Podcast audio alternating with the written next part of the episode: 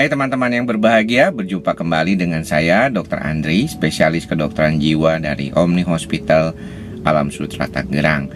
Pada kesempatan kali ini, saya ingin berbincang kembali tentang adanya suatu keadaan yang kita sebut dalam konteks bagaimana kita bisa mengelola perasaan dan kehidupan kita dalam hal ini bagaimana kita bisa menjadi seseorang yang lebih tahan terhadap stres. Nah, pertanyaannya sering ditanyakan oleh pasien-pasien saya bagaimana sih kita bisa mengelola stres menjadi lebih baik, Dok? Karena banyak faktor yang berkaitan dengan stres ini ternyata tidak cukup hanya dengan menggunakan obat saja tentunya. Tetapi bagaimana setelah gejala-gejalanya itu membaik, ke depannya kita bisa lebih tahan terhadap stres kita. Nah, ada beberapa yang saya akan sampaikan pada kesempatan kali ini yaitu tiga keadaan yang sangat berhubungan dengan bagaimana kita bisa mengatasi stres kita atau dalam artian dengan adanya tiga hal ini kita menjadi lebih tahan terhadap stres. Apakah tiga hal tersebut? Yang pertama adalah satisfaction atau kepuasan. Kepuasan dalam hal ini adalah bagaimana kita mempunyai ya kemampuan untuk mencukupi kebutuhan kita sehari-hari.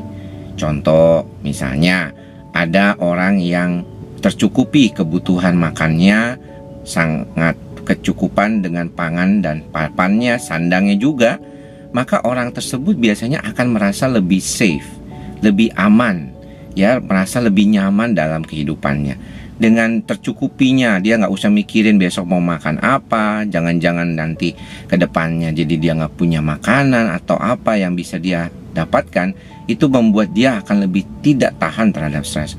Tetapi kalau dia sudah nggak pikirin apa besok mau makan apa dia sudah tahu dia punya sesuatu yang bisa membantu dia untuk menjalani kehidupan sehari-hari. Dia tidak takut kedinginan karena dia punya rumah yang cukup baik, kemudian juga punya pakaian yang cukup baik sehingga bisa menjalankan kehidupan sehari-hari dengan baik. Maka orang ini akan lebih tahan terhadap stres. Beberapa di antara buku-buku yang pernah saya baca, satisfaction atau kepuasan ini juga dikaitkan dengan penerimaan terhadap situasi yang sebat sifatnya adalah non materi, misalnya mendapatkan apresiasi, mendapatkan pujian, mendapatkan dukungan, support system di keluarga. Ini juga berkaitan dengan kepuasan. Artinya orang-orang yang mendapatkan kepuasan seperti itu dari sisi support non materi maupun materi, daya tahannya terhadap stres akan jauh lebih baik. Nah, yang kedua, yang kedua adalah safety atau keamanan. Orang yang sering kali melakukan perjalanan di dalam kehidupannya pasti memahami bahwa keamanan dan kenyamananlah yang akan dia cari. Dengan orang yang lebih nyaman dan aman terhadap lingkungannya, maka dia merasa akan mampu menghadapi situasi-situasi dalam kehidupannya lebih baik lagi.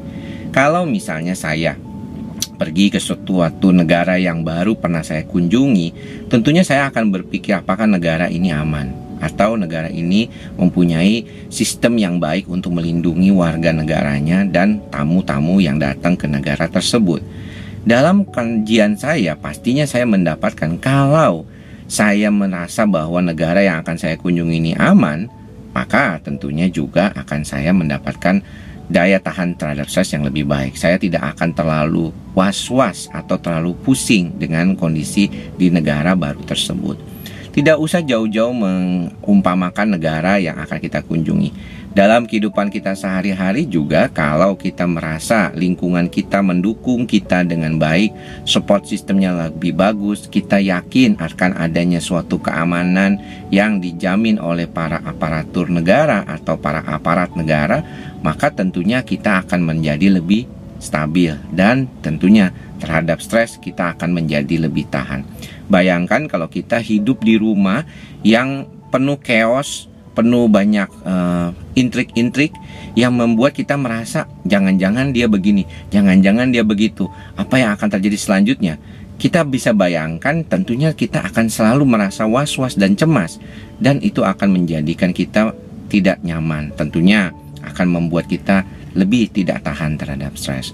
Safety ini juga banyak dikaitkan dengan uh, masa depan. Banyak dari kita misalnya menggunakan asuransi, menabung, kemudian mempunyai beberapa saham atau reksadana, tujuannya untuk membuat kita aman dan nyaman di dalam menghadapi masa depan. Beberapa orang di antara yang mengalami atau menjalani kehidupan dengan memberikan perhatian pada tabungan masa depannya merasa dirinya lebih nyaman dan merasa lebihnya lebih aman dan inilah yang tentunya akan mempengaruhi bagaimana kita bisa merasakan daya tahan stres kita saat itu akan menjadi lebih baik. Nah, yang terakhir, yang terakhir adalah satu, bagaimana kita mampu melakukan koneksi atau connection dengan orang lain. Jika kita berada pada situasi tertentu di mana kita merasa kesepian, tidak ada teman, tidak ada yang mendukung, maka daya tahan stres kita lebih turun daripada orang yang merasa didukung oleh lingkungannya dan mendapatkan uh, support dari lingkungannya. Ketika kita merasa menjadi bagian dari suatu kelompok, menjadi bagian dari masyarakat, menjadi bagian dari keluarga, maka kita akan merasakan bahwa daya tahan stres kita akan lebih kuat karena kita tahu bahwa banyak orang-orang yang akan mendukung kita. Begitu juga ketika kita berada pada kondisi sakit. Kalau kita didukung oleh teman-teman, oleh saudara, oleh pasangan kita, tentunya kita akan merasakan adanya kebahagiaan dan kemampuan kita untuk melawan penyakit itu menjadi lebih baik. Jadi, betapa pentingnya pergaulan dan hubungan sosial dengan orang lain. Ini sangat mementingkan dalam proses kehidupan kita sehari-hari. Ketika kita berada pada kondisi di mana kita dan pasangan kita sangat erat, sangat dekat saja, membuat kita merasakan adanya kenyamanan dan support sistem yang lebih baik sehingga daya tahan stres kita terhadap situasi-situasi yang mungkin akan membuat kita tidak nyaman itu akan berkurang dan kita bisa menghadapinya dengan baik. Jadi demikianlah apa yang bisa saya sampaikan. Ada tiga tadi ya sudah dikatakan bahwa pertama adalah satisfaction, kepuasan. Kedua adalah safety atau keamanan. Dan yang ketiga adalah connection atau keterhubungan.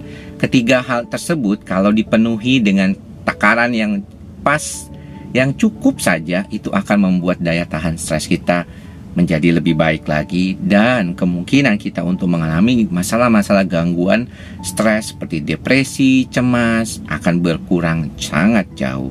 Tentunya ada faktor-faktor lain seperti faktor genetik yang juga akan menyebabkan orang bisa mengalami gangguan-gangguan kejiwaan. Tetapi dengan daya tahan stres yang baik, maka kemungkinan akan lebih kecil mengalami gangguan-gangguan tersebut. Demikian apa yang bisa saya sampaikan pada kesempatan kali ini.